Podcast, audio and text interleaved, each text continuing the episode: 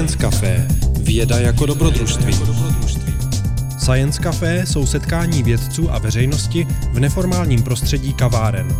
Nejbližší program a podrobnosti najdete na www.sciencecafe.cz. Generálním partnerem Science Café je nadační fond Neuron na podporu vědy. Dalšími partnery jsou nakladatelství Akademia, Lucky Lab, portál Slides Live a časopis Vesmír.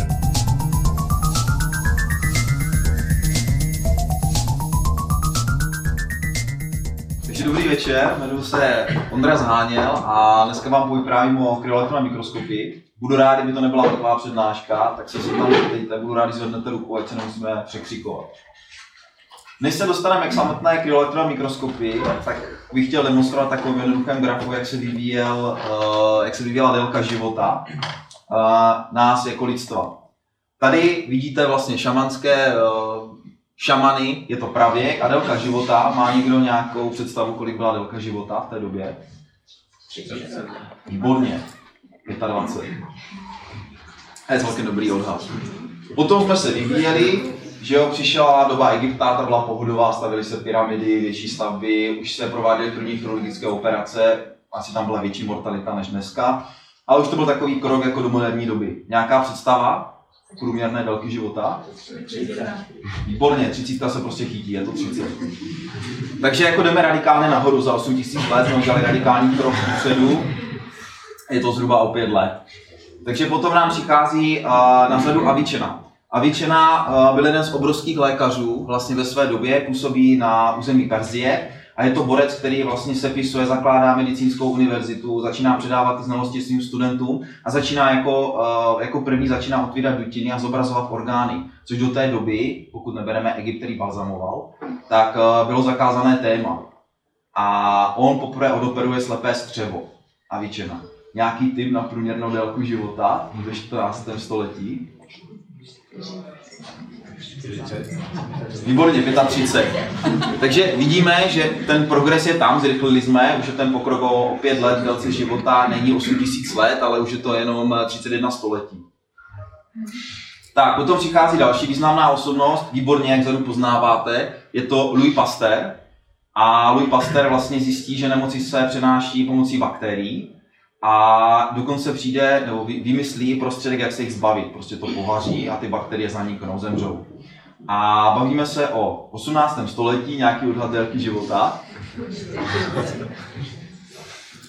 Výborně, je to 45, je to již vlastně, jak je oblíbená, uh, oblíbená průpovídka, je to století páry, 18. století a jsme na délce 45 let.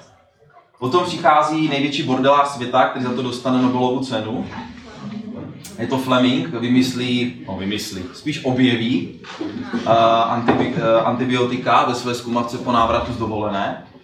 A je to 20. století. Jaká si myslíte, že je průměrná délka života ve 20. století? A teď zkusme odmyslet ty války, kdy se to tak trošku zkracovalo. Je to 65 let, je to překvapivé.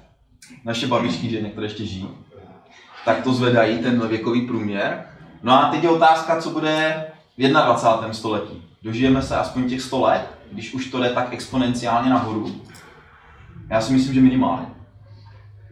Protože tak, když se někdo chce dožít důchodu, to bude tak 85, pro většinu z nás, tak aspoň těch 15 let důchodu. Tak, a zpátky k tomu hezkému grafu. Zkusíme si tady kromě délky života ukázat, jaká byla jakoby úroveň lékařského poznání. To znamená, jak ta délka života korespondovala s tím, co jsme jako lidstvo věděli.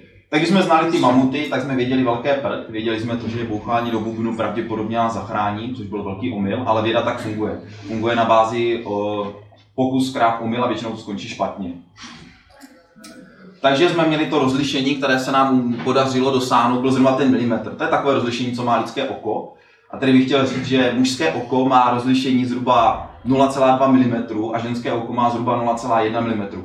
To je ten důvod, proč muž nevidí třeba upadnuté spotky na koberci, proč nevidí špínu na podlaze. Je to prostě dané přírodou, za to nemůžeme. Takže buďte tolerantní dámy. A máme tady Egypt, teď ty 2000 let, že jo? Tady vidíte roztomilou operaci, kdy uh, se provádí vysusnutí mozku. Mělo to pomáhat od bolestí hlavy a tak dále. Pomohlo to, ale fatálně. To rozlišení, které tam bylo, bylo o 5 mm. Prostě nějak jsme se nepohli, zůstávalo nám lidské oko. Další, co přichází, je doba Leonarda da Vinciho, on začíná poprvé experimentovat s čočkami, ale ta výroba těch čoček byla dost zoufalá, prostě byly nekvalitní, hrozně zkreslovali, takže sice zvětšovali, ale bylo to tak zkreslené, že nám to přidanou informaci ne, že nám to nějakou novou informaci nepřineslo. Takže zůstáváme stále na tom rozlišení kolem toho 1 mm. Potom přichází významný přelom v 18. století, kdy uh, Anthony van Leeuwenhoek, což byl holandský prodejce látek, se strojí poprvé mikroskop. On vyvine metodu, kterou se dají ty čočky vyrobit kvalitně. Krásné na tom to, že byl neuvěřitelně jakoby milý a hodný člověk, takže nikdy nikomu neprozradil, jak se ty čočky vyrábí a až do konce života si vyráběl sám a potom lidstvo až zemřelo. Trvalo dalších asi 70 let, než objevili jinou metodu, možná to stejnou. Protože on to fakt nikomu neřekl, vyráběl to v licenci a prodával to za nelidské peníze. Možná měl jiné než křesťanské předky. Ale to, co se mu podařilo, bylo převratné, protože on poprvé díky mikroskopu, který uměl zvětšovat na tu dobu až stokrát, dokázal poprvé vykreslit to, jak vypadá ta bakterie, dokázal poprvé vykreslit, jak vypadá oko mouchy, dokázal se podívat tam, kde jsme vlastně nikdy nebyli, tam dolů. Takže už jsme se dostali na rozlišení, řekněme, toho jednoho mikronu, hodně hrubě. Takže ve století páry už jsme se dívali na buňky, už jsme věděli, že nějaké buňky existují. A potom přichází 20. století. Přichází století, kdy už máme mikroskopy světelné, které jsou schopny standardně dosáhnout jednoho mikrometru, Máme elektronové mikroskopy, které nám umožní dosáhnout nanometrového rozlišení a jsme schopni zobrazit, tohle je nějaký virus, možná i dokonce virus AIDS, kdy jsme schopni zobrazit to v krásném rozlišení nějakých 10 nanometrů. Ale jak víte, tak atomy nemají 10 nanometrů, atomy mají typicky meziatomovou vzdálenost kolem 3, 3 angstremů, 3 desetiny nanometrů, takže je to pořád málo. A proto přichází 21. století, kdy jsme schopni už tu bílkovinu zobrazit téměř atom po atomu s atomárním rozlišením. Dneska je světový rekord v tom eh, v rozlišení na bílkovině 1,8 angstremů. Vědci zatím mají své světové rekordy. Takže dneska pomocí poněkud fundovanějšího mikroskopu má 4,2 metry na délku, 3x3 metry na šířku a vyplní jednu takovou místnost a stojí 5 milionů dolarů.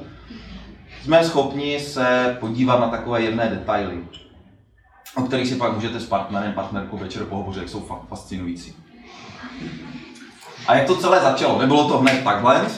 I v tom 20. století docházelo k postupným objevům. A ty objevy začínaly tím, že Ernst Truska s Maxem Nolem v rámci svého PhD, takže těm, co je víc než 25 a už mají PhD hotovo, tak vy už jste vyhořeli.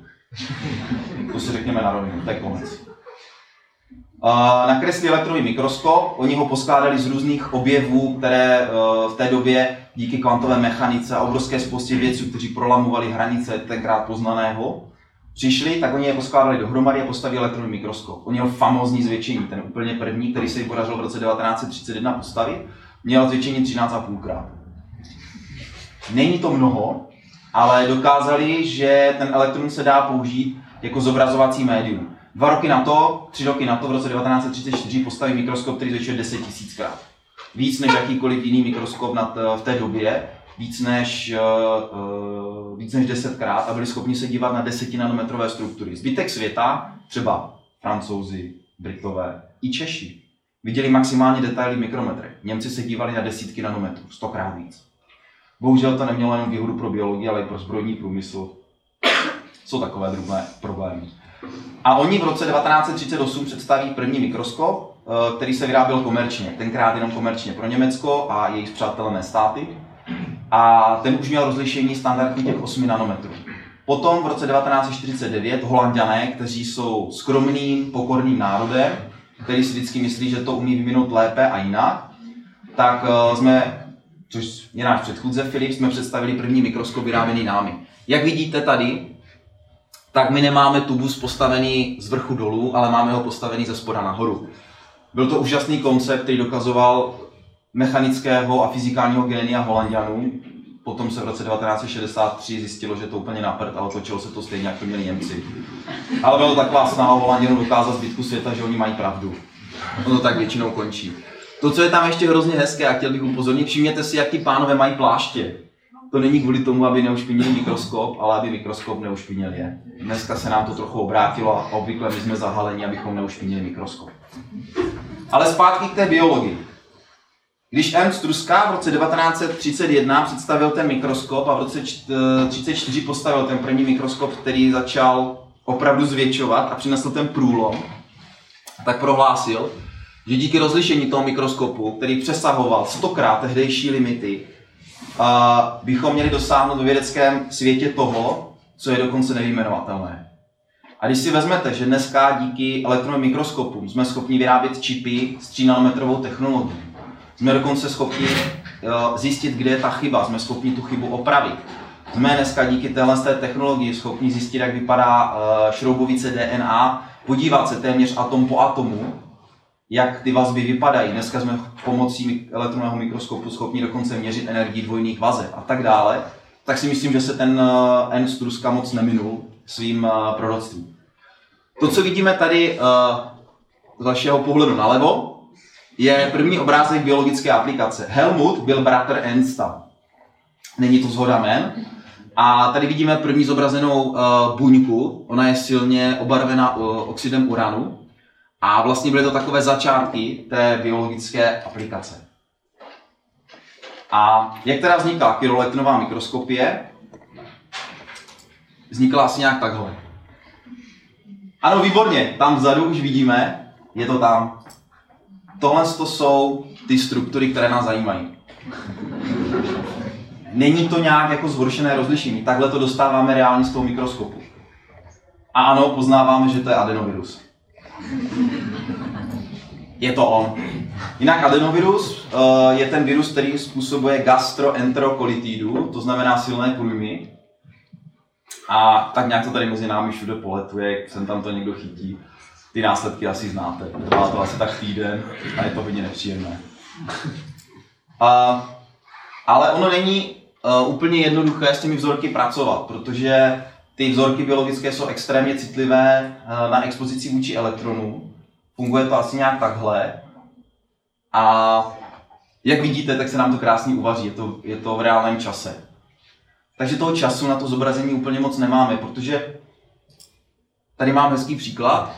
My obvykle nechceme zobrazovat to vajíčko ve stavu uvařené, obvykle nás zajímá, jak to vajíčko vypadá ve stavu nativním, přírodním, jak ty buňky vypadají reálně.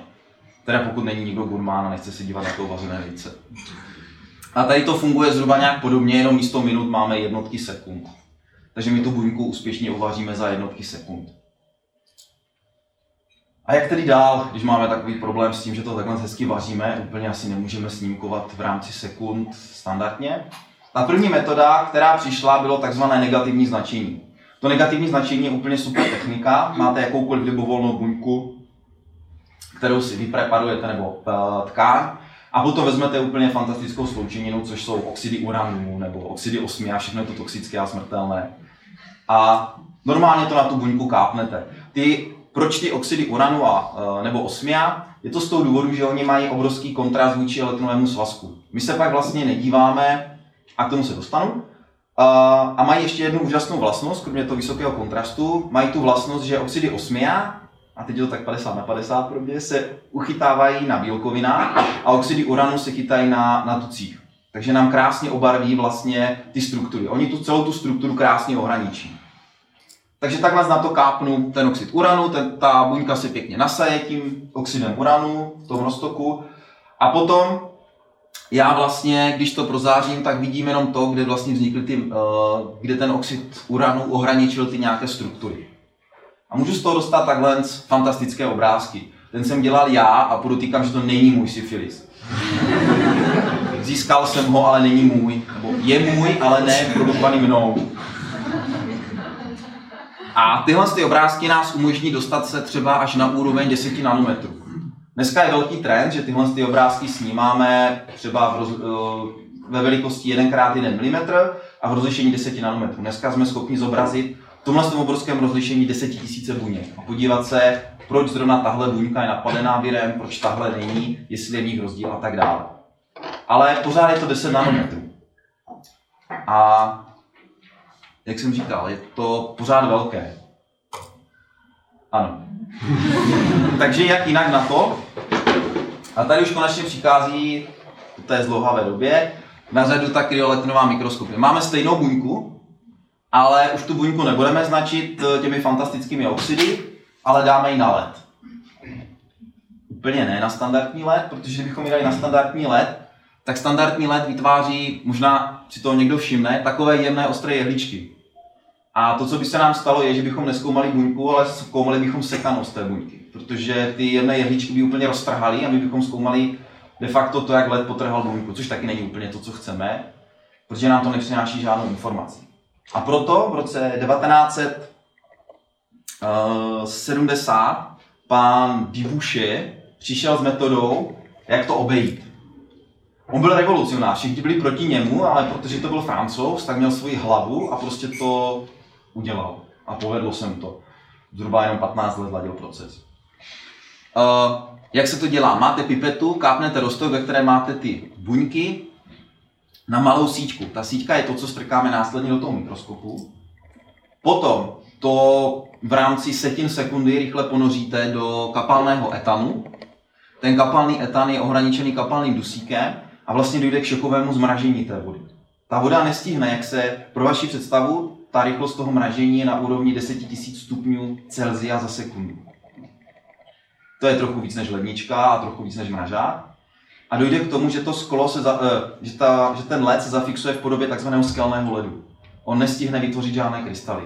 A ta buňka je nepoškozená, je zafixovaná prostě v tom stavu, jak reálně vypadá. A potom to vypadá takhle, na té mřížce mám vlastně ty jednotlivé bílkoviny, které jsou chyceny v těch eh, malých očcích a jsou zmrzlé v tom ledu. Prosím? Ne, nebojte se zeptat. Pýtala, že proč ten etan? Ten et, výborně, to, se, to je výborná otázka. Etan je z toho důvodu, že nám neulpívá na vzorku, nerozpouští ten vzorek a perfektně odvádí teplo. Protože kdybychom to hodili přímo do, busí, eh, do dusíku, tak ten dusík je ještě bubla. On má povrchové jevy, povrchové pnutí, on by začal bublat a v tom momentu by při tom bublání stihl ty buňky potrhat. To byl jeden z těch největších objevů pana Dibuše, vlastně, že začal používat kata, kapalný etan. Ještě se dá použít kapalný propambutan pro chudší laboratoře, ale ten má zase nevýhody, že do sebe natahuje veš- veškeré svinstvo z okolí. To má taky nevýhody, asi proto si tím jenom. Takže ta příprava je jednoduchá, že jo, každý zvládne kápnout na vzorek eh, buňky, každý zvládne hodit síčku do etanu v rámci setin sekundy, pinzetou, je to v pohodě, máme na to jenom takový speciální přístroj, který to dělá, aby vám neomrzly prsty. No a potom každý zvládne manipulovat se zmraženou síťkou tak, aby mu to nespadlo, neroztálo to a tak dále. Je to celkem srandovní metoda. No a co potom dostaneme, je ten kvalitní vzorek. Je to zase on, všichni víme, kde jsou ty struktury a všichni víme, na co se díváme. Takže to taky ještě není úplně ono. A ano, já jsem to dal ještě jednou, abyste měli radost. A jak z toho teda dostaneme tyhle ty fantastické obrázky? První je, aby byla extrémní čistota těch částic. Aby ty částice na sobě neměly různé zbytky, aby vlastně měl ty stejné částice v tom objemu stále. Abych věděl, že tam mám třeba 10 000 úplně stejných částic. Další věc je, aby se mi ty částice nezhlukovaly, abych nevytvořil prostě bloby těch částic někde a zbytek preparátu byl nešťastný. Abych prostě zobrazoval jednu tu samotnou částici a aby ta částice byla dostatečně veliká. I když dneska už pracujeme na tom, abychom měli, uměli zobrazit i malé částice. A tady je malá ukázka toho, jak jsme jako lidstvo postupovali. Pan Frank, který, o kterém budu hovořit, eh, je taky jeden z průkopníků. V roce 91 zobrazil poprvé jakoby eh, částici bílkoviny s rozlišením 4,5 nanometru a potom to šlo nahoru. Je krásné, ti pánové se opravdu znají navzájem a navzájem si dokazují, kdo má lepší metodu a honí se. Takové to zdravé soutěžení. A v roce 2003 dospěli do stádia, kdy se dostali pod 1 nanometr. Ale pořád, když se na to díváte, tak je to spíš taková blobologie. Jsou to spíš takové struktury, které vypadají jak blbě uplácané z plastelíny. To nám dalo nějakou představu, ale pořád to nebylo úplně ono. A bylo to z toho důvodu, že my jsme ty bílkoviny strašně rychle uvařili, anebo jsme nebyli schopni je pořádně zobrazit. A velkým průlomem, který přišel právě v tom roce 2003, byl vynález kamery, která umožnila zachytit každý elektron. Protože počet těch elektronů, které pošlu na ten preparát, mě vlastně poškozuje ten samotný preparát a když mám špatnou kameru a ona potřebuje spoustu elektronů, aby mě něco zobrazila, protože má třeba vysoký šum, nízkou citlivost, tak já musím ten preparát víc osvítit, tím ho víc uvařím a když ho víc uvařím, tak získám nižší rozlišení. A v roce 2003 poprvé se podařilo uvést na trh a ne experimentálně funkční kameru, která umí zachytit opravdu každý elektron. Takže ten elektron, který proletí tou kamerou, je opravdu detekován na tom stínitku. A to pro vaši představu znamenalo na tehdejší dobu zhruba 20-násobné zlepšení citlivosti. Což nebyla jako drobné zlepšení, což byl totální průlom. A tady máme jen tak nakreslenou technologii. Každá firma, jsou dvě firmy, je špičková firma, to je Thermo Fisher Scientific. A pak je druhá firma, o které nebudu mluvit, ta má taky technologii, ta není až tak dobrá, ale taky to prodávají. A vlastně znamenala to, že my jsme opravdu dokázali zachytit každý dedikovaný elektron. Nechci zacházet do detailu, ale tohle to byla známka. Dalším problémem, takže teď jsme získali každý elektron a najednou se zjistilo, že to není ten jediný problém, který nás tam tíží. A najednou jsme zjistili, že oni se jaksi ty molekuly, ty mršky i v tom ledu, když jsou zamražené, začínají hýbat. Tomu se říká takzvaný beam induced movement, když máte tu molekulu a Tohle je ta molekula. A teď vám proletí ten, at, ten elektron kolem, tak on vlastně vyzáří, nebo on si sebou nese elektrické pole, kterou tu molekulu rozhýbe. A jak tu molekulu rozhýbe, tak vy nezobrazujete tím elektronem molekulu ve svém stavu, ale jakoby tu rozmazanou molekulu, tu molekulu v pohybu. A stejně tak, jako když máte foťák a nastavíte příliš dlouhý čas a někdo se vám hýbe, nějaké neposedné dítě nebo nějaký důchodce, tak potom získáte rozmazaný obrázek. A dá se to samozřejmě řešit tím, že dítě svážete na židličce, ale to my s tou molekulou moc neumíme. A proto jsme přišli na jinou metodu. Postavili jsme kamery, které umí extrémně rychle snímkovat. Jsou to kamery, které dneska umí uh, 250-300 snímků a dokonce ta druhá firma umí 1500 snímků za sekundu.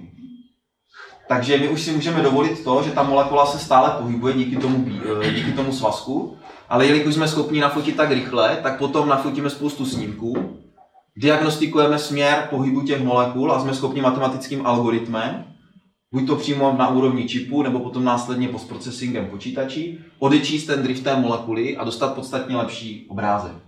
Takhle třeba fungují elektronické stabilizátory ve vašem eh, foťáku. Tady je to hezky ukázané. My vlastně dostaneme takhle z molekuly k pohybu, spoustu snímků, zjistíme si různé směry pohybu těch jednotlivých molekul a dokonce můžou být různé. A následně z obrázku, z několika set obrázků A dostaneme výsledný obrázek B, který, pokud sedíte vepředu, poznáte, že je poněkud ostřejší a poněkud kvalitnější.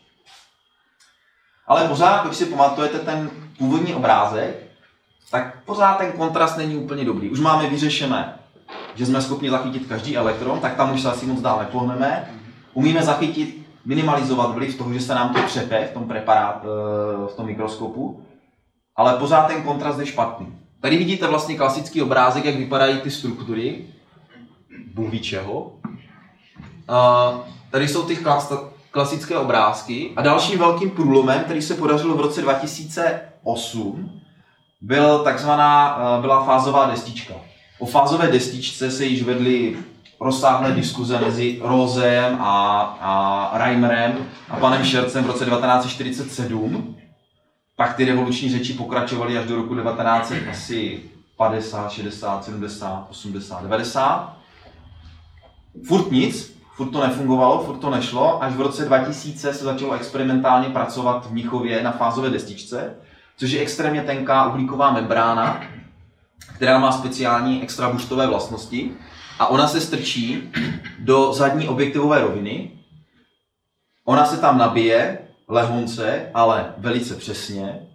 A ona v tom místě zvýší kontrast toho nulového svazku, toho pozadí, nebo toho nulového řádu difrakce, toho pozadí. A ona nám dokáže právě z toho šumu vytáhnout, kde jsou ty různé struktury. V současné době jsou jenom dvě firmy, které to vyrábí.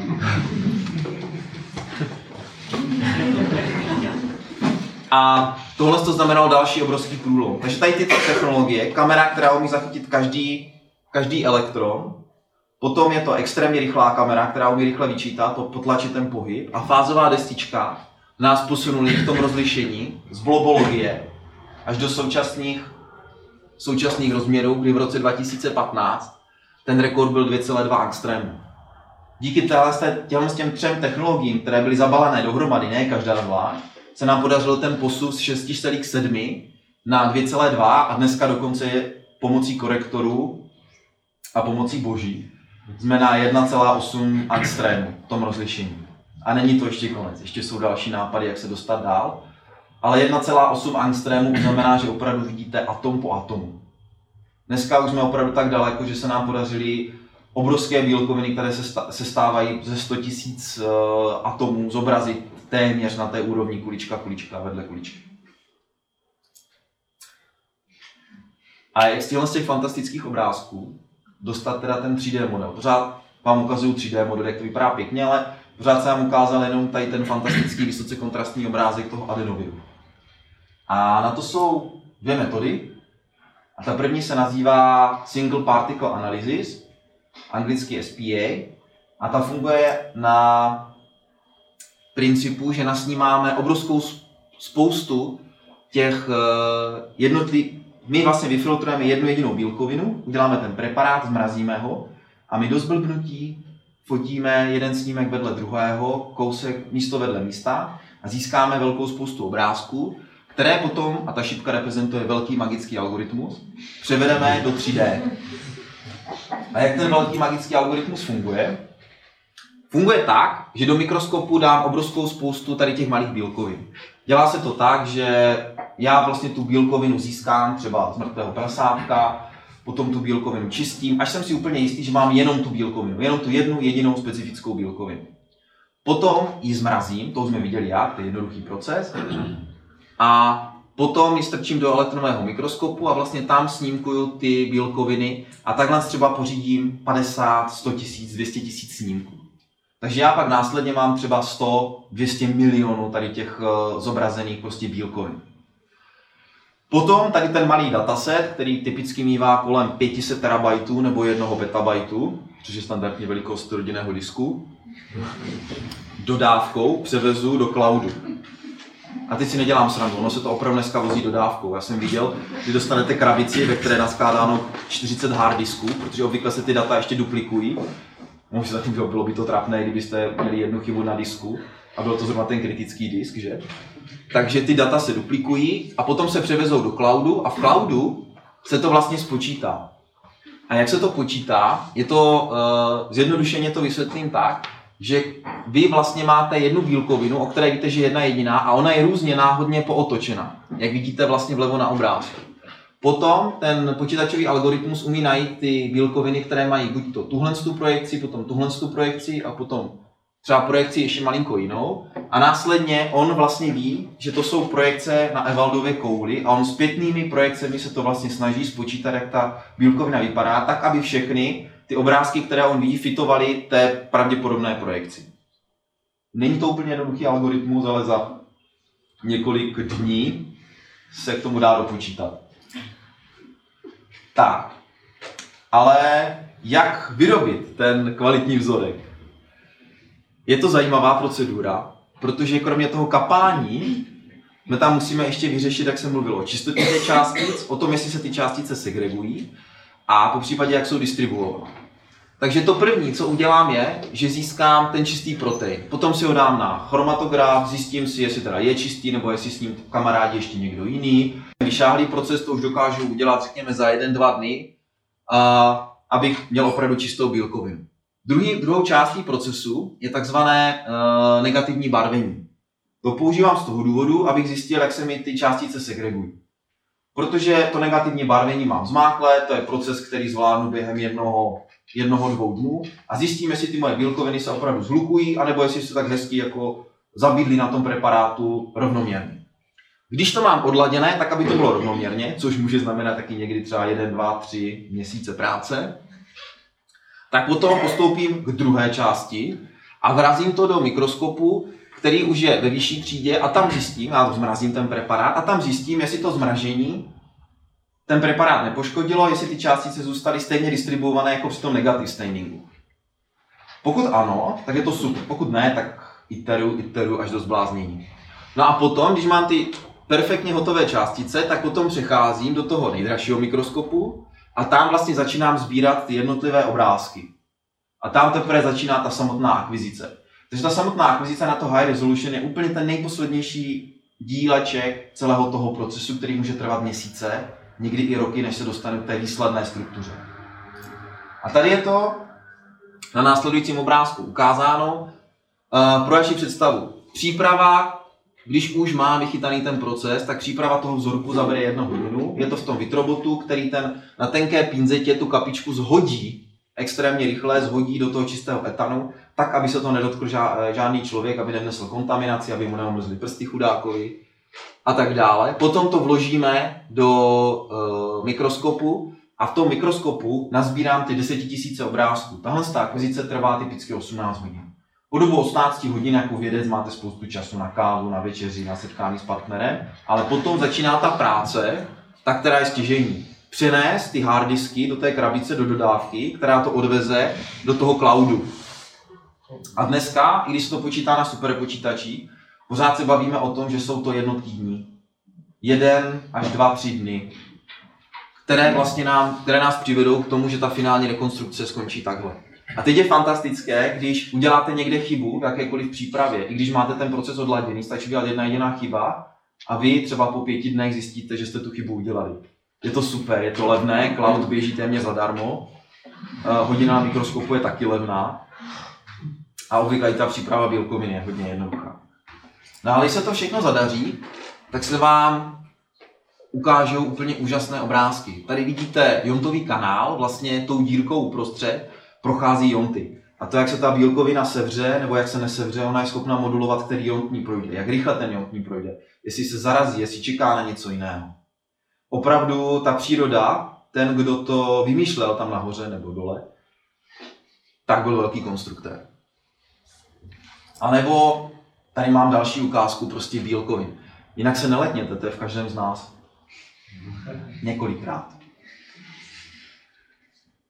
A opravdu dneska už umíme se dostat na to, že my víme, jak vypadají ty, ty, uh, ty jednotlivé struktury. A pokud si dneska koupíte ještě pod mikroskop jedno menší zařízení, tak jste dokonce schopni si změřit, jaká vazba se váže mezi kyslíkem, dusíkem. Jste schopni měřit tady ty energie. No a aby to nebylo jenom o mém vyprávění, tak uh, tady je malá animace, jak to vlastně funguje. To jsou bílkoviny, to není sperma. Teď vlastně dojde za chviličku k šokovému zmrazení. To je ten šok, vlastně nedojde k žádné rekrystalizaci. A takhle mám zamražený ten preparát. Ten preparát přinesu do toho mikroskopu a teď ho vždycky prosvítím, tak vidíte ty vysoce kontrastní obrázky. A teď vlastně těch obrázků se nasnímá spousta, ten počítač už umí dokonce z těch vysoce kontrastních obrázků sám zanalizovat, kde se nachází ty částice Což třeba v roce 90, kdy se podařilo panu Hendersonovi poprvé uh, ukázat vysoké rozlišení z mikroskopu, tak se to dělalo ručně, že? Měl několik desítek studentů, kteří to vybírali ručně. Super. No a takhle, když vím ty obrázky, tak ten počítačový algoritmus mi začíná na tuhle tu Evaldovu kouli vlastně klást ty jednotlivé obrázky a z nich začíná vlastně vytvářet uprostřed tu 3D strukturu. No a když zjistí, že to nesedí, že nějaký obrázek nenajde tu orientaci, tak to celé zrušit začíná znova. Proto to trvá dva až tři dny v tom cloudu, i když ten algoritmus se dneska matematicky vyvíjí. A samozřejmě čím více těch obrázků, tím potom je přesnější ta rekonstrukce té bílkoviny. Ale není to jediná metoda, jak jsme schopni se dostat uh, atomárnímu rozlišení. A, a tahle ta SPA metoda má jednu, jedno, jedno omezení. Ona vám vždycky zobrazí jednu jedinou bílkovinu. Vy tam musíte mít miliony těch stejných bílkovin. Ale to je super, když víte, jak ta bílkovina vypadá, ale otázkou je, jak ta bílkovina vypadá v reálném životě, jak se chová, s čím interaguje, co se na ní váže a tak dále. A k tomu právě používáme kryoelektrovou mikroskopii, protože tím svatým grálem těch eh, lékařů není jenom to si umět tu bílkovinu zobrazit, ale je tu bílkovinu zobrazit v reálném prostředí a podívat se na ní, jak vlastně ta bílkovina funguje, jak se chová, nebo ten tuk, to je úplně jedno. A zobrazit to v té reálné buňce. Takže tady vlastně dneska pomocí kryoelektronové mikroskopie, kterou si taky vysvětlíme, jak funguje, jsme opravdu schopni se dostat na velmi podobné rozlišení, o trochu horší, než je to SPA, a zobrazit to přímo v daném místě. Jak to funguje? Je to opět jednoduchý proces. Eh, na světelném mikroskopu si vlastně najdu tu oblast, která mě zajímá. Já jsem, eh, ne, já ne, ale lidstvo je dnes schopné si označit různými markery, fluorescenčními markery, si označit buňku, označit si DNA, ribozom, prostě ten, který má třeba nějakou vadu nebo je schopný donutit ribozom zbaštit značenou glukózu a zbaští obvykle jenom živý ribozom, ne ten mrtvý. A potom, když si to osvítím uh, světlem, tak mě potom budou ty buňky zářit. A zjistím, které jsou ty aktivní nebo naopak ty nemocné. To vidím vlevo. To dělám ve světelném mikroskopu. Potom přejdu do, uh, potom přenesu ten vzoreček, když si tu oblast vyříznu, přenesu do uh, small dual beamu, což je elektronový mikroskop kombinující elektronový a iontový svazek. V tom systému já si vlastně vyřežu tenoučkou lamelu, já si tu buňku najdu, protože vím, kde je, mám ji označenou. Já si to místo, které mě zajímá, ohraničím iontovým svazkem, to vám ukážu, jak se to dělá. Potom si vyřežu tenkou lamelu, tu mám tady, přenesu ji do mikroskopu a potom tím preparátem postupně točím. A stejně jako na CT, kde se netočí preparát, aby se vám neudělalo špatně, že preparát jste vy na MicroCT, teda na, na CT jste vy a otáčí se ta sonda, tak tady se otáčí preparát, že otáčet mikroskopem kolem vzorku by bylo složitější. A následně pozbírám obrázky a potom znovu vidíte na extrémně kontrastním obrázku, ho pak rekonstruju a získávám velmi podobnou 3D strukturu. A teď vám ukážu, jak se reálně vyrábí ta lamela. Tady nahoře vidíte tu tenkou 3 mm síťku. Tohle je real time. Tady si vlastně najdu tu buňku, která mě zajímá. Toto není chyba Windowsu, to je funkce mikroskopu. Tak, teď si najdu tu buňku, je to ona. Tak, a teď vlastně tohle je náhled pomocí jontového svazku a teď si vyberu tu buňku, přiblížím se k ní a připravím si ten ten řez. Při, připravím si to, kde chci vytvořit tu lamelu a jak ji chci tlustou. To je ona. A teď přijde, tímhle s tím si naznačím, kde chci vlastně vytvořit tu, uh, co chci odstranit tím žlutým. Zadám si finální tloušťku, upravím si to druhé, i tu druhou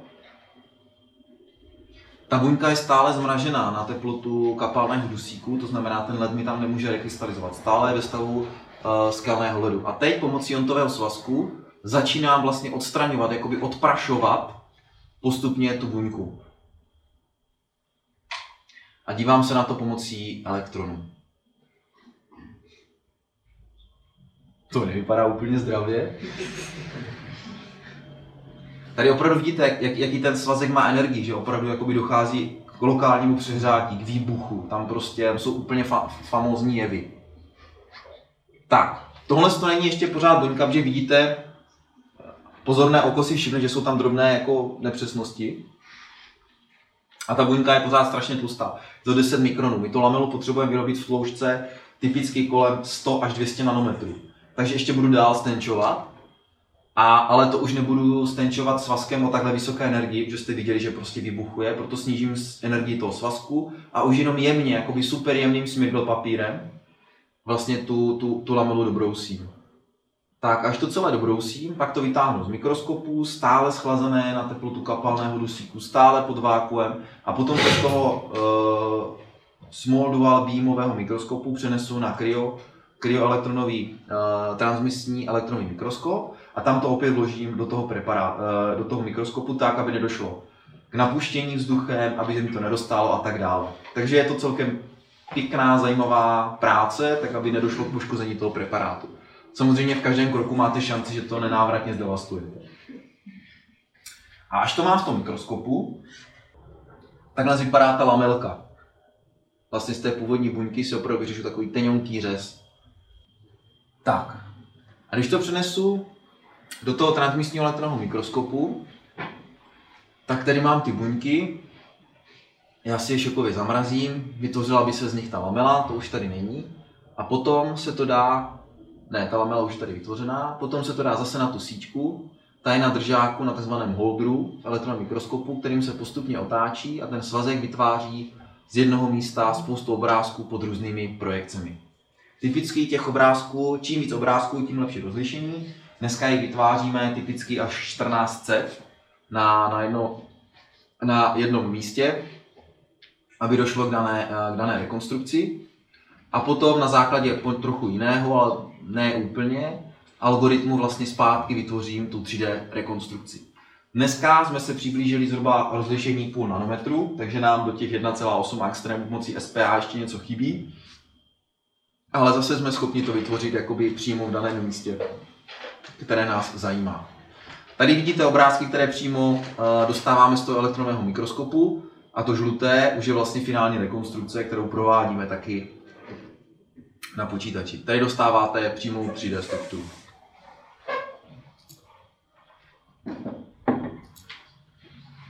Tak, a tady je obrázek, který ukazuje, kam jsme se pohli z roku 2000 do roku 2015. Opravdu říká se, že jsme šli z blobologie, což rok 2000, až do roku 2015, že jsme schopni rozlišit ty bílkoviny na úroveň, na atomární úroveň. V roce 2015 byla kryoelektronová mikroskopie vyhodnocena časopisem Nature jako technika roku a nechtělo to ani moc času a v roce 2017 ne. V roce 2017 tihle tři pánové získali Nobelovu cenu za chemii za kryoelektronovou mikroskopii. Uh, Jacques Debouche byl ten pán, který vymyslel tu srandovní metodu, jak ty vzorky zamrazit, tak, aby se nepotrhali a nepoškodili. Byl to pán, který poprvé dokázal, že ten vzorek eh, ve váku přežije, že se nevypaří a že je možné tu elektronovou mikroskopii použít k zobrazování takhle super jemných a super detailních struktur. Joachim Frank byl pán, který vymyslel tu počítačovou metodu. Protože do té doby jsme měli obrovskou spoustu obrázků a nikdo to neuměl spočítat. V roce 1975 pan eh, Jacques Debouche, francouz eh, žijící v eh, začal pracovat vlastně na té metodě ve stejnou dobu Joachim Frank začal pracovat eh, v Americ, na americké univerzitě MLA na té metodě, jak to spočítat, protože Richard Henderson uh, začal poprvé v roce 1980 zobrazil pomocí ale X-ray diffraktogramu bílkovinu s rozlišením kolem, uh, myslím, 50 angstrém. A Richard Henderson na základě prácí pana Debušeta a Joachima Franka v roce 1990 poprvé pomocí kryoelektronové mikroskopie zobrazí strukturu, která má nějakých 45 uh, uh, angstrémů, takže dokázal, že je ekvivalentní vůči vlastně X-ray. A následným zlepšováním té techniky se dneska dostáváme až na 1,8 nanometru. Tihle tři pánové znamenali opravdu obrovský průlom uh, v kryoelektronové mikroskopii. A na závěr, ta kryoelektronová mikroskopie nám eh, umožní otevřít nové možnosti, zkoumat vlastně život jako takový, bílkoviny, tuky na atomární úrovni. Dneska díky tomu, že víme, jak ta bílkovina vypadá, jakou má strukturu, vyvíjíme nové léky, protože se zjistilo, obrovská spousta farmaceutických firm do toho investuje peníze ve spolupráci s univerzitami pro vaši představu, dneska je v poli přes 300 tady těch kryoelektronových mikroskopů, které běží na bázi 24 hodin denně, 7 dní v týdnu. A zjistilo se, že třeba něk, že spousta bílkovin a léčiv, nebo těch nemocí, funguje tak, že když je bílkovina, tak vlastně ten virus se zavrtá jak kostečka z dětské stavebnice do protikusu té bílkoviny a tím ji třeba zneškodní nebo paralyzuje. A dneska jsme zjistili, že ty léčiva, které fungují, dělají to, že jsou vlastně, mají podobný tvar jako protikostečka té bílkoviny, jenom zabalí ten virus dřív než ta bílkovina samotná. Takže dalo by se říct, že hloupou mechanikou se dá spousta tady těch léčiv prostě nadizajnovat dopředu. Dneska už ty léčiva nevyvíjíme, takže smícháme látku A a podíváme se, co to udělá s nemocí B, jestli pacient zemře nebo ne. Dneska už začínáme jakoby dopředu odhadovat, jestli by to mohlo fungovat. Vytváří se obrovské databáze bílkovin. Dneska máme zobrazených jako lidstvo přes 16 000 bílkovin uh, angstremovém uh, nebo subnanometrovém rozlišení. abychom opravdu jako lidstvo věděli, co s čím může fungovat, jestli se toho nedá použít jako léčivo nebo dá. I následně, jak to funguje, jestli se třeba spojují nějaké elastomidy s něčím jiným. Potom nám to umožní zobrazit eh, samozřejmě to, jak ty bílkoviny a lipidy fungují v reálném prostředí, přímo v buňce, jak fungují ty organely a tak dále. Dneska už je ta metoda opakovatelná. Dneska už to není metoda, kterou může používat jenom eh, skupina anarchistických vědců, kteří, kteří se nebojí obětovat desítky let tomu, aby zobrazili jednu bílkovinu. Dneska je to na té úrovni, že to zvládne průměrný student PhD. A dneska je spousta z těch funkcí na tom elektronovém mikroskopu automatizovaná. Takže dneska nemusíte mít druhé PhD z elektronové mikroskopie nebo částicové fyziky, abyste byli schopni ten mikroskop operovat. A jelikož jsem systémový architekt, eh, tak vám můžu říct, že to bude lepší, lepší a lepší. A spousta lidí tady za to bude zodpovědná. Tak a teď je ten nejdůležitější závěr. Ano, my se dožijeme 100 let. Otázka v jakém stavu, ale dožijeme. A já už vám chci jenom poděkovat za pozornost.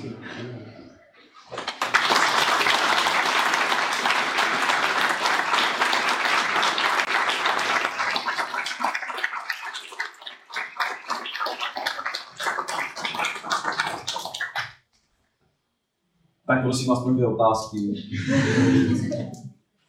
Já mám dostal snad cenu. Kolik stojí ten jeden obrázek takový hezký buňky nebo bílkoviny? Uh,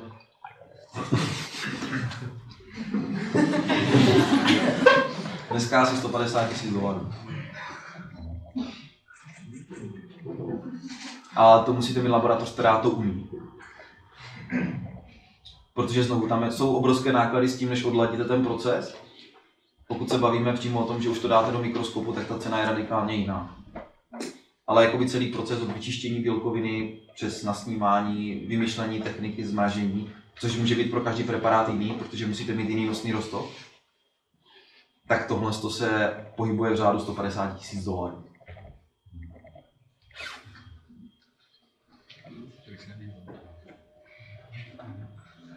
Já můžu mít dotaz.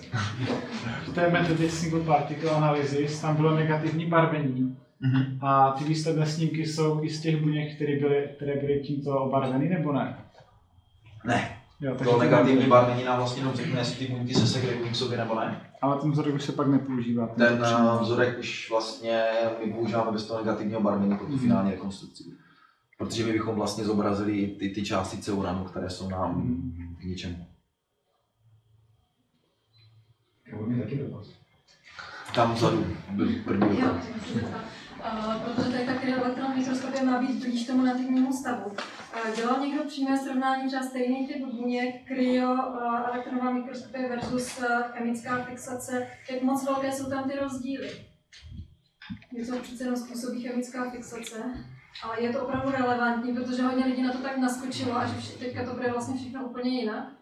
No je to obrovský boom, já nevím, že by bylo přímo nějaké srovnání, protože ona ta kryoelektronová mikroskopie, co se týká přímo zobrazování buněk, tak uh, se teprve roz, rozvíjí.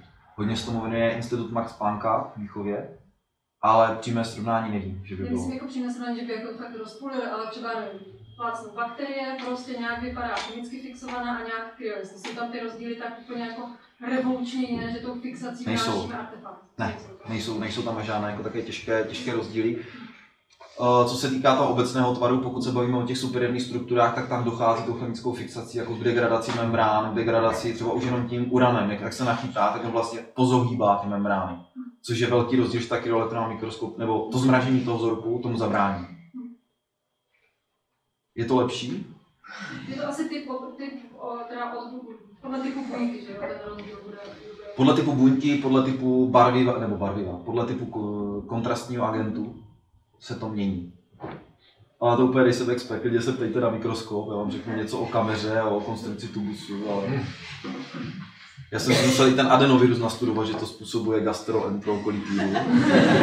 Což je průjem, jako kdybyste to nevěděli.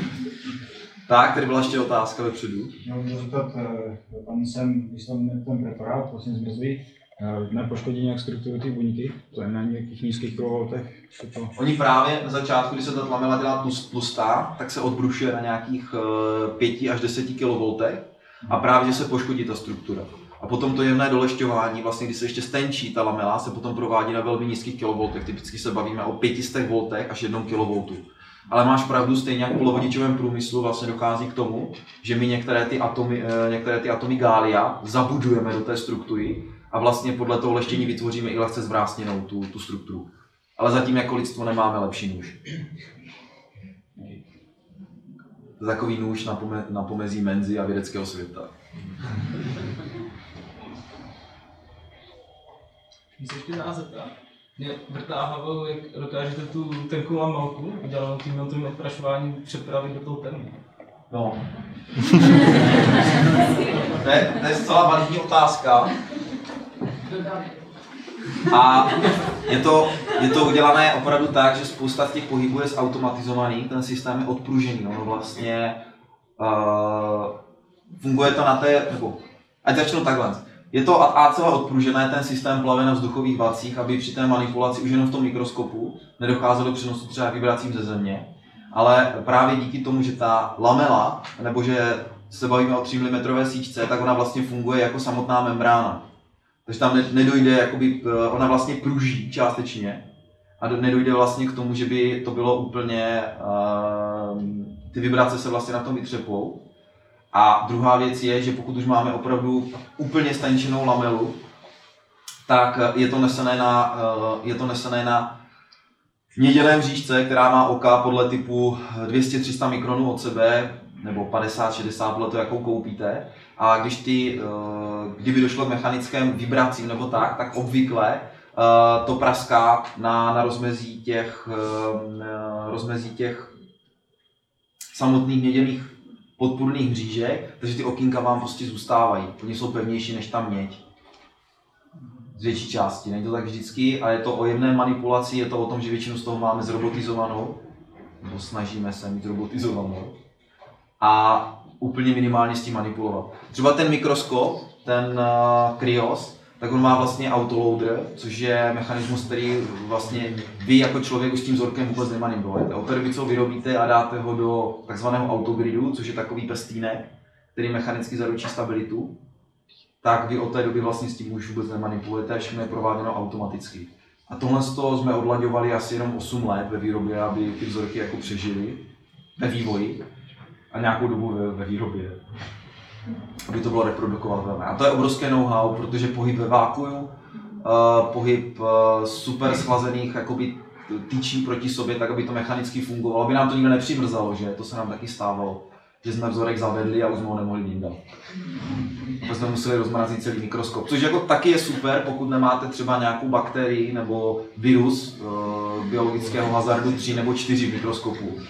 Potom, když to rozmrzne, tak si tak uděláte na hodinu a řeknete si, tak fajn, servisák zemře do 6 hodin. Nebo má týden života. 6 hodin je ta čtyřka, trojka je ten týden. Takže tohle to všechno je obrovské know-how, co je zatím. Po naší představu tam najíždíme s přesností eh, kolem 10 mikrometrů, najíždíme do, do, do, do těch lížinek proti sobě. Ve váku, aniž by to vidělo lidské oko, je to plně zrobotizované. A je to reprodukovatelné. Můžu se ptat, eh, co z té elektroniky jste vyrábí tady v Brně? Z elektroniky. Z těch eh, mikroskopů, které části jste vyrábí? Všechno. Všechno. Nebo takhle, co myslíte vyrábí? A třeba uh, nějaké ty plošňáky, nebo... Jo, takhle. Procesory. Uh, máme obrovskou spoustu dodavatelů FEI, no, no. To jste neslyšeli. Thermo Fisher Scientific uh, není přímo jakoby výrobní lokací, co se týká toho, že bychom měli soustruhy, měli jsme pájecí oddělení a tak dále, tohle to si valili. My jsme majiteli kompletní technické dokumentace, to znamená, že kompletní vývoj probíhá prostě v našich uh, CT laboratořích, v mozcích našich geniálních spolupracovníků. Ale přímo výrobu tady toho přenecháváme firmám, protože ty objemy, které my vyrábíme, My třeba pro vaši představu vyrobíme uh, 500 mikroskopů, transmis, transmisních elektronových mikroskopů za rok, tak ty objemy jsou tak malé, že by se nám to nevyplatilo firmě si ty desky vyrábět a na tož tak třeba si vyrábět mechanické díly. Na to máme prostě speciální dodavatele. Takže my 99,5% eh, věcí nakupujeme a následně to stavíme, to je ta půl procenta, ale to je to nejdůležitější půl procento, co máme z toho. Takže to je Brně spíš ten vývoj. Ne, ne, ne, tady v Brně je vývoj a jakoby výroba těch mikroskopů. My sem dovezeme ty díly od našich dodavatelů, ať je to z Holandska, z Německa, dokonce i z České republiky. Máme tady úžasnou základnu, na to taky můžeme být pišní. Tady Tesla, i když to bylo experimentální pracoviště se vším všudy, tak je tady vznikla spousta malých spin-offů, které se rozrostly a jsou schopni vyrábět opravdu high-techové díly. A my ty díly do továrny dovezeme, potom je pomocí několika stránkového, má to asi zhruba 600 stran, manuál, ten mikroskop postavíte, pomocí dalšího, asi 800 stránkového manuálu ho zprovozníte, vyladíte a potom ho odesíláme zákazníkovi. Takže kompletní kompletace probíhá u nás, i čištění dílů, vyvákuování, kompletní nastavení probíhá u nás, ale jakoby přímo si ty díly nevyrábíme, že bychom měli tyčku v kopřivách, železa a někdo nám to krouhal na dílně. Obrábil. Máme prototypovou laboratoř, ať vás zase jako neděsím, ale fakt jenom na ty prototypy. A jelikož jsme bývalé, bývalý Philips, tak eh, Philips kdysi byl něco jak Baťa krát 10 a oni měli úplně všechno. Oni měli i prostě mechanické dílny, chemické obrábění, tepelné žíhání. Takže to know-how je vlastně uložené tam, jak se to zpracovává, takže my využíváme spoustu holandských dodavatelů, kteří jsou přímo vlastně spjatí od začátku s elektronou mikroskopí, takže mají to know-how, co je k nám potřeba. Třeba na tom mikroskopu je použito zhruba 40 unikátních materiálů, které se nepoužívají někde jinde. Které si vyrábí přesně jenom pro nás, což je taky super, jo, protože se vám pak dobře vyjednává s dodavateli. Když přijdou, to chtějí zdražit a vy řeknete, a my to budeme brát jinde, a my řeknou, nebudete. je to super, jako. A nebo když jim řeknete, ten díl nebo ten materiál nefunguje, a oni řeknou, ale nic se nezměnilo, že? A tak.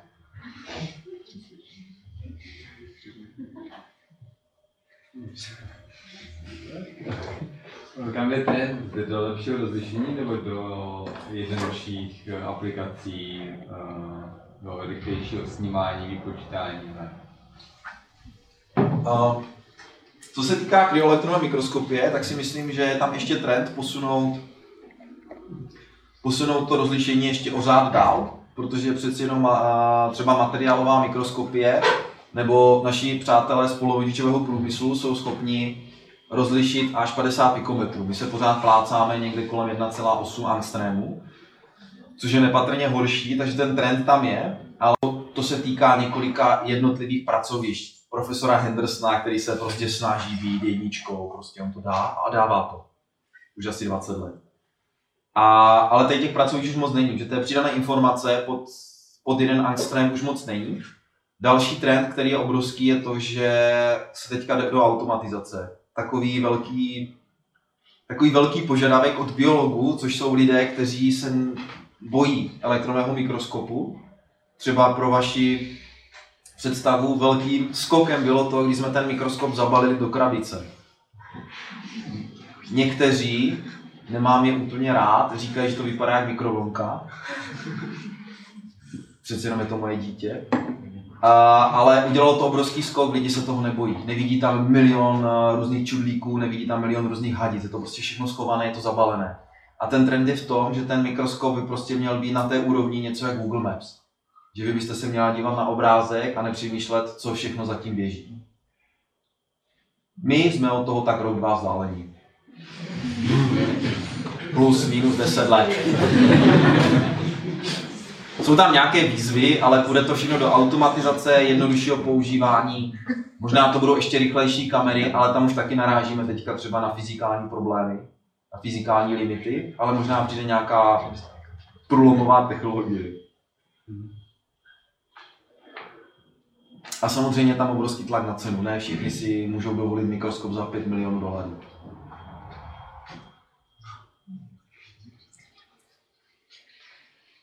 Koho zajímá nejvíc SPA uh, zpracovávání? Jde o jenom univerzitní jakože místa, anebo jsou ty komerční subjekty? A v současné době jsou tu univerzity, ale první vlašťovky, prvních 20 vlašťovek se objevuje uh, ve farmacii. A pro vaši představu vlastně farmacie je, myslím, druhý největší trh po, pokud nepočítáme prostituci, uh, po zbrojním průmyslu, takže je tam obrovský, obrovský potenciál a opravdu tyhle ty přístroje, až se nám podaří, a nejsme od toho daleko, dostat na úplně stabilní, reprodukovatelnou uh, verzi, že to bude jeden den mít stejné výsledky s operátorem Karlem, jako druhý den s operátorkou Ivanou, tak uh, v tom momentu tohle to bude adaptovat v, v co říká? Ne lékárenský. Farmaceutický průmysl, děkuju. A ten je mnohonásobně větší než polovodičový průmysl a tam se jedná o desítky bilionů dolarů ročně. Takže to je trend, kam, kam to bude utíkat. No a proto budeme všichni žít 100 let, že? Sice budeme zdrogování, zdopovaní, ale budeme mít ty kostičky správně poskládané s protikostičkama.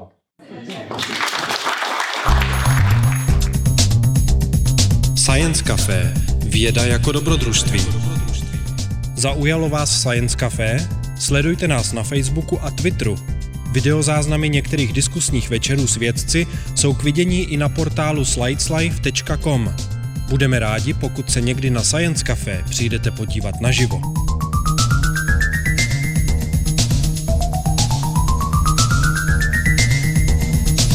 Generálním partnerem Science Café je nadační fond Neuron na podporu vědy. Dalšími partnery jsou nakladatelství Akademia, Lucky Lab, portál Slides Life a časopis Vesmír.